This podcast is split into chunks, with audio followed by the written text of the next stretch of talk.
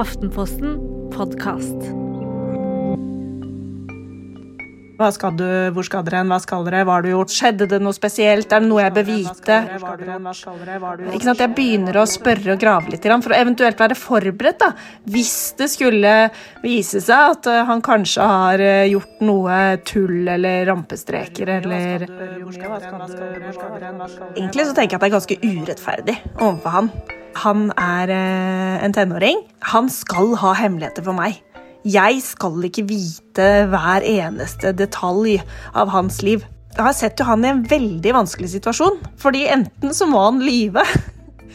Eller så må han jo da fortelle meg alt, da. Og det er sikkert sånn at det er ikke alt han vil at jeg skal vite heller.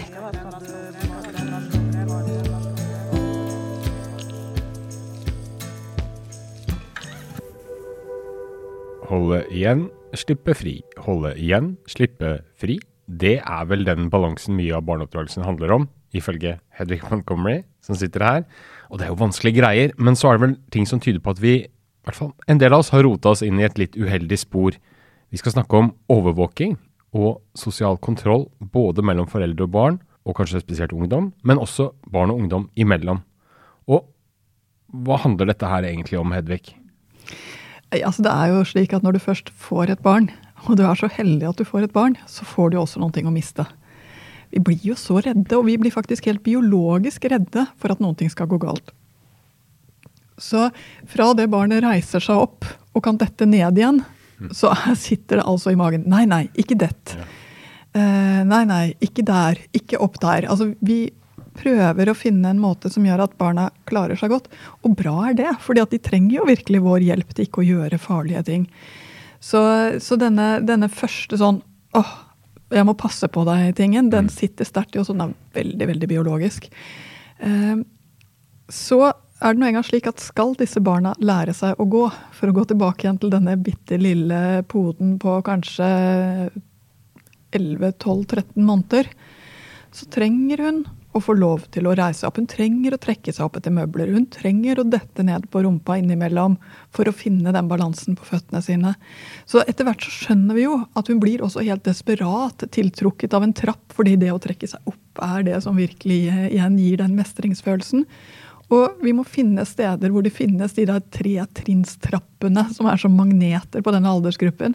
Og de må få lov til det. Og nei, hun får ikke vondt av å dette fra sin egen høyde. Det gjør ikke vondt. Men hun tåler ikke å, å dette ned en hel trapp. Det er farlig.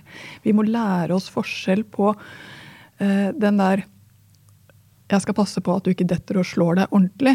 Og det er helt greit at du detter bitte litt, sånn at du finner balansen din. Den er så vanskelig. Den kommer allerede når de er altså så små som dette her. 10-11-12 måneder. Mm. Og så kommer den igjen og igjen. Mm.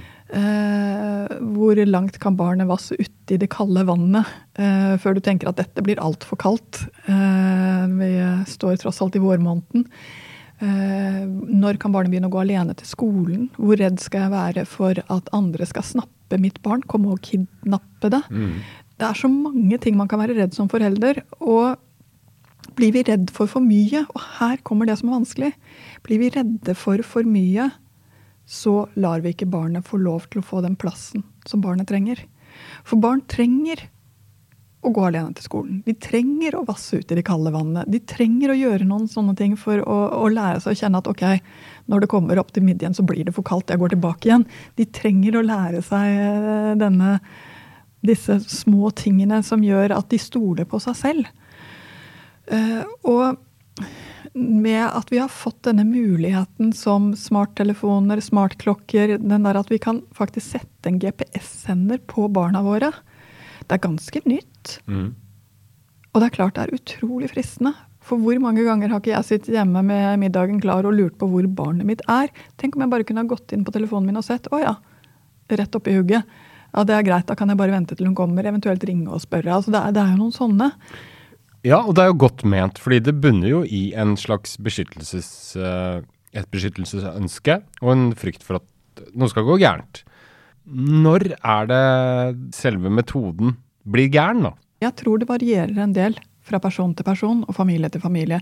Og det kan være spesielle forhold som gjør at det er annerledes i noen familier enn i andre. F.eks. barn som har veldig problemer med å orientere seg, kan ha en enorm hjelp av denne at, eh, at mamma og pappa finner meg-opplevelsen.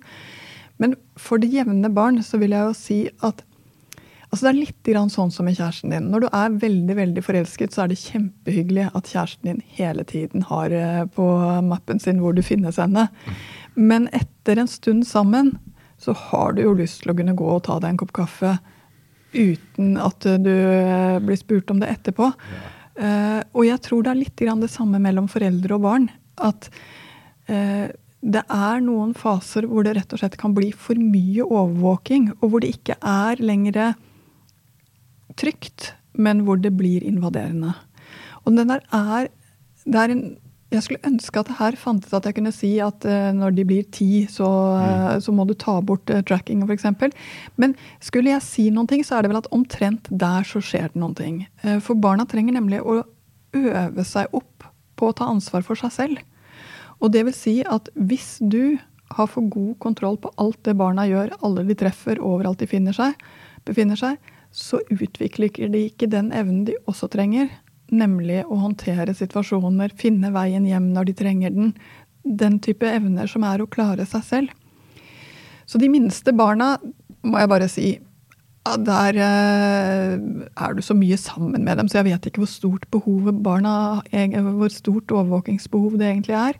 Men når de kommer opp eh, på mellomtrinnet på skolen, så trenger de å lære seg dette selv i aller høyeste grad. Hvilken linje mener du man skal legge seg på, da? Jeg mener at barna skal få lov til å gå en omvei uten at du kan se det på PC-en din. Eh, så jeg tenker at det kan være lurt at de har den telefonen du kan ringe til. Men det er kanskje ikke så lurt at du har full oversikt over hvor barna er hele tiden. Men er dette et reelt problem for en del ungdom? Altså Du snakker med mange ungdommer. Hva er det, du, hva er det de sier for noe? Jeg syns det er ganske interessant at eh, vi der har to grupper. Den ene gruppen syns egentlig det er helt greit at, eh, at, de blir sett og hørt hele tiden. Eh, og at foreldrene vet hvor de er. Men det jeg har merket med dem, det er at når de kommer i situasjoner som er litt vanskelige, så kan de av og til få litt nesten som en sånn overraskelse at de må håndtere det selv. Mm. De er uselvstendige, da? Ja, de har nesten fått en falsk trygghet oh, ja. mm. i at dette er det noen annen som passer på. Men du kommer jo til et punkt en eller annen gang i livet hvor du må passe på selv, og hvor du må ordne opp selv. Så det jeg merker med dem, det er at de er litt sårbare når de kommer til det punktet. Nå er det du som må finne veien. Uh, nei, det er ingen andre her som kan hjelpe deg ut av det. Nå er det du som må avgjøre hva du gjør.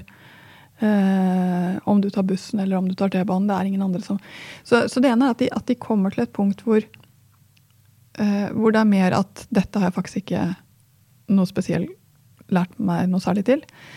Den andre gruppen har foreldre eller jeg vet ikke, kanskje de trenger mer frihet. fordi dette handler jo også om å trenge et rom hvor du er deg selv. Men de føler at de blir utsatt eh, for kontroll. De føler at de ikke får lov til å puste noe sted og bare være. De føler nok også at de ikke kan gå en liten omvei og det går fint bare fordi det var fint vær og, og, de hadde lyst, og de hadde en fin melodi på øret uten å bli spurt hvorfor gikk du omvei hjem i dag. Altså, De føler at de ikke har noe space til å, til å være seg. Uh, og det er ikke så rart at de blir sinte, egentlig. Um, så det er en annen gruppe. Og de beskriver jo på mange måter foreldrene sine nesten som, som sjalu kjærester. Ja. Uh, som, uh, som er oppi hver minste detalj de er, sier og gjør og ånder. Og da blir det litt liten plass til å finne seg selv. På nett, der må det vel på sett og vis være litt mer legitimt å skulle kontrollere barna, slik at man beskytter dem? Altså, jeg tror det er ingen tvil om at det er mye som skjer på nett som, eh, som barna ikke klarer å håndtere alene. Eh, og de kan også se ting og, og, høre ting av vold, av eh, seksualitet som de ikke er klare for, og som, eh, som, skremmer dem noe voldsomt. Og hvis du ikke vet hva som skjer, så får du jo bare et barn som er redd, eller et barn som ikke sover. Så jeg skjønner igjen veldig veldig godt at den er Vi vil så gjerne vite hva de driver med. Jeg tror den beste sikkerhetsnettet vi har, er å snakke med barna om det. Uh, høre hva som har skjedd, uh, høre hva de ser på. eh, være interessert i hva som skjer i det livet de har på nett. Eh, og også snakke litt om at eh, på nettet ligger det så utrolig mye, altså så vanvittig uendelig mye. Veldig mye som er kult, gøy, bra. Også en del ting som bare er skremmende og fælt. Og som kanskje til og med er for helt andre mennesker. Altså forbereder dem litt på det. Jeg tenker at det å ha et språk for det, og det å ha en forståelse for det, er mye, mye viktigere enn å overvåke hva barna faktisk gjør på PC-en, eller hva de gjør på nettbrettet. Ja, Men når de kommer til i en viss alder, hører de egentlig på hva du sier i det hele tatt da? da? Når det kommer med sånne fornuftige PR? Per? Jeg må si at om de hører Ja, de hører på det. Eh, det viktige der er egentlig at de sier ifra når det er noen ting som har skremt dem, eller noen ting som har vært vanskelig for dem. Det er det aller viktigste. Og så kan jeg si at om de så har oppsøkt det selv, som de kanskje har, Eh, så er jeg da veldig nøye med én ting, det er at jeg blir ikke sint for det. Jeg sier skjønner jeg, men det er nettopp derfor det ikke er noe der å hente. Fordi det er ubehagelig. Uh, og det samme, det er liksom, Hvis vi blir for kraftfulle med at du må ikke snakke med fremmede når du spiller uh, Fortnite, så kommer de til å gjøre det allikevel. Mm. For oss er det nesten viktigere at de da sier og jeg har snakket med en, og han begynte plutselig å stille så mange spørsmål. Han begynte å stille spørsmål om hvor jeg bodde, og begynte å stille spørsmål om uh, hvem jeg var med. og så kan du si kjentes litt ubehagelig ut, og så sier han ja. Jeg synes det, det, var liksom, det var ikke noe god følelse. Da har du en god samtale. Så for meg er nok det aller viktigste å, å ligge på dette går det an å snakke om, dette går det an å håndtere. Vi vet at barn som blir utsatt for eh, nettovergrep, det er ganske langsom affære. Det er en ganske langsom kapring av barna som gjør det vanskelig å oppdage, også for voksne som prøver å følge med. Mm. Eh, så sånn sett så tror jeg at barnas opplevelser er mye viktigere å gi plass for og ta høyde for enn selve kontrollen.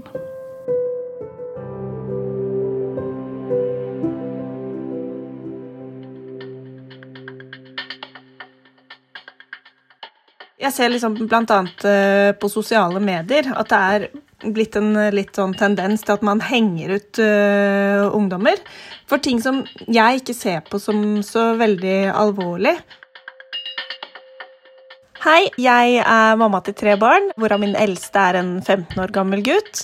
Og jeg bekymrer meg litt over den kontrollen jeg føler at jeg dessverre har på han. Men også fordi at jeg føler at det er en viss sånn sosial kontroll, da.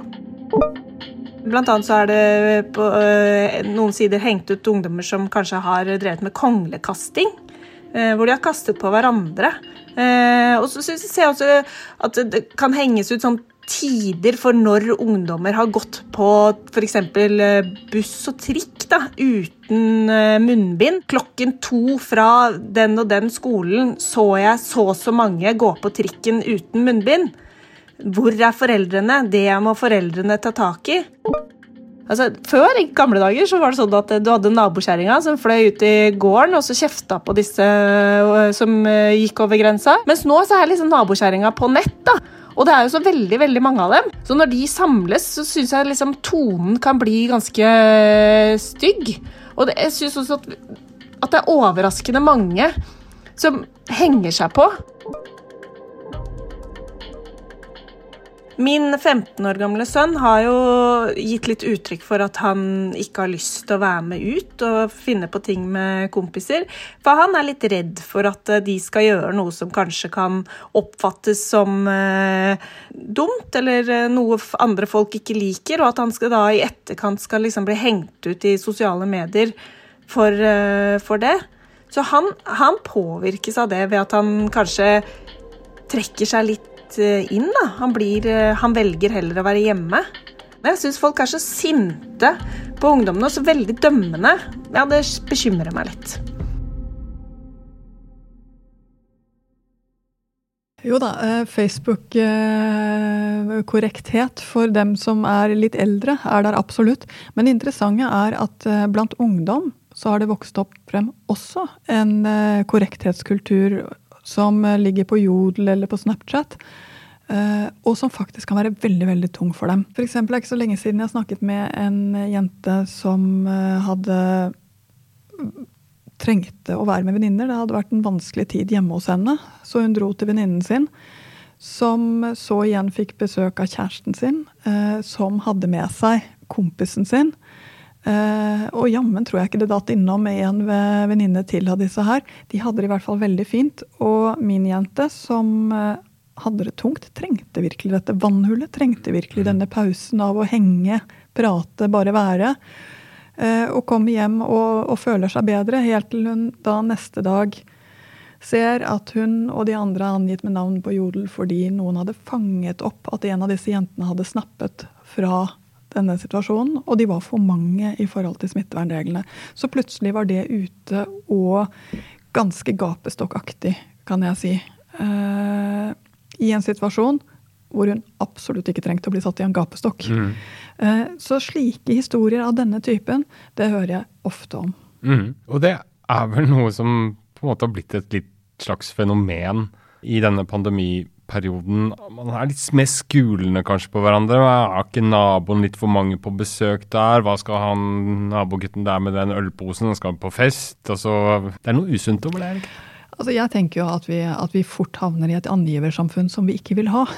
Uh, og jeg tenker også at der hvor ungdom står i livet sitt, hvor det å være sammen, det å speile seg i hverandre, det å treffe hverandre, det å finne noen, er på mange måter hovedsporet i livet, så blir denne harde dømmingen fra andre eh, veldig skadelig. Fordi det tar bort tryggheten i det som er det viktigste prosjektet deres akkurat nå, nemlig om å finne hverandre. Så jeg må si at i denne pandemiperioden, ja, jeg har vært veldig bekymret for den sterke pekefingeren mot spesielt ungdom, som gjør at den viktige tingen, nemlig at det er en sykdom vi må prøve å unngå, det er en smitte vi må prøve å unngå, og hvem som helst kan få det. Det er nettopp derfor vi må være forsiktige. Vi mister litt hva det er for noen ting dette handler om, og istedenfor så blir det en angiverprosess mm. eh, som ikke er nyttig verken for dem eller for samfunnet. Hvilke steder har ungdom egentlig å gå hvis de vil stikke seg unna? Er det ja, gode gamle gutte- eller jenterommet, da, selvfølgelig. Men hvis de blir sånn indirekte overvåka også der, så hvor skal man gå? Mm. Og det der er ganske interessant, fordi når lyset er på deg hele tiden, når du ikke har noe sted som er bare ditt, hvem blir du da? Så Ja, hvem blir du da?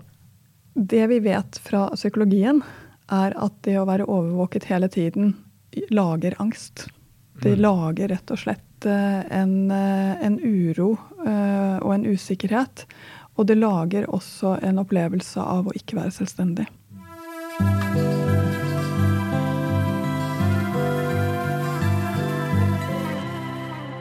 Da har vi lært litt om moderne angiverkultur, men hva skal foreldre gjøre, da? Hvilken linje skal man liksom legge seg på, egentlig? Jeg tror det er noen ting vi skal være klar over. For det første skal vi være oppmerksomme på at ja, vi kan overvåke mer enn det som er sunt for både barna og oss selv.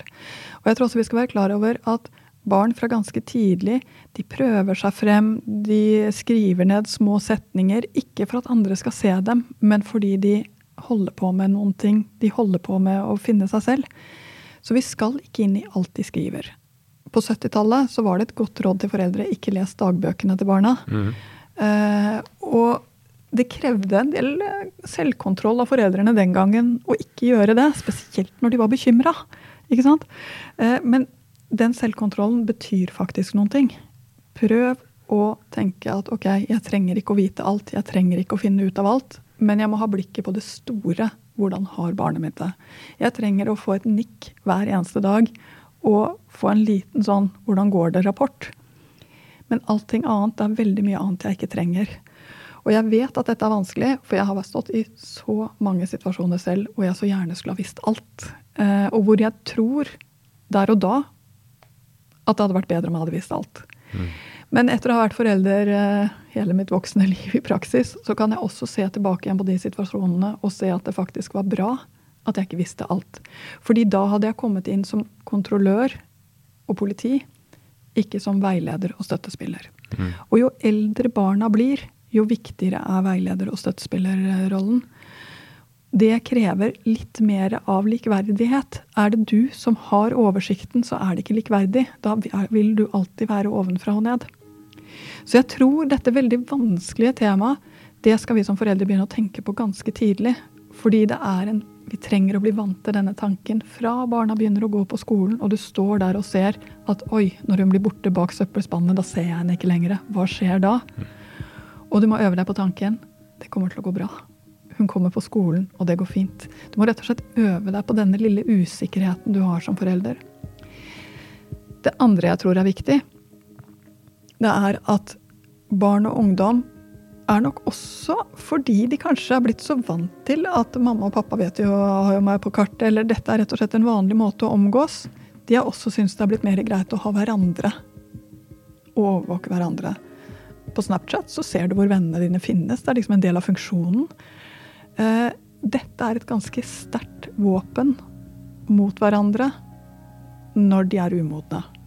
Det er rett og slett større fare for at de bruker det på feil måte, måte, mot hverandre. Når noen blir sjalu, når noen føler seg utenfor, når noen uh, har en dårlig dag, så har de plutselig en informasjonsoverflod som de kan bruke. Vi skal være klar over at dette skjer, sånn at vi kan hjelpe ungene våre når det er de som har havnet i denne gapestokken. Og vi skal hjelpe ungene våre til ikke å bruke den gapestokken mot hverandre. Så fordi vi har fått alle disse nye mulighetene, så må vi også hjelpe hverandre til å håndtere dem bedre. Så jeg tror at noe av det beste vi kan gjøre for å motvirke dette, er nettopp å gi ungene lov til bare å være. Nettopp gi dem lov til å koble seg av og ikke være synlige. Nettopp gi dem lov til å gå den omveien fordi det finnes ekstra god kjærlighet på pinne noen kvartaler lenger unna.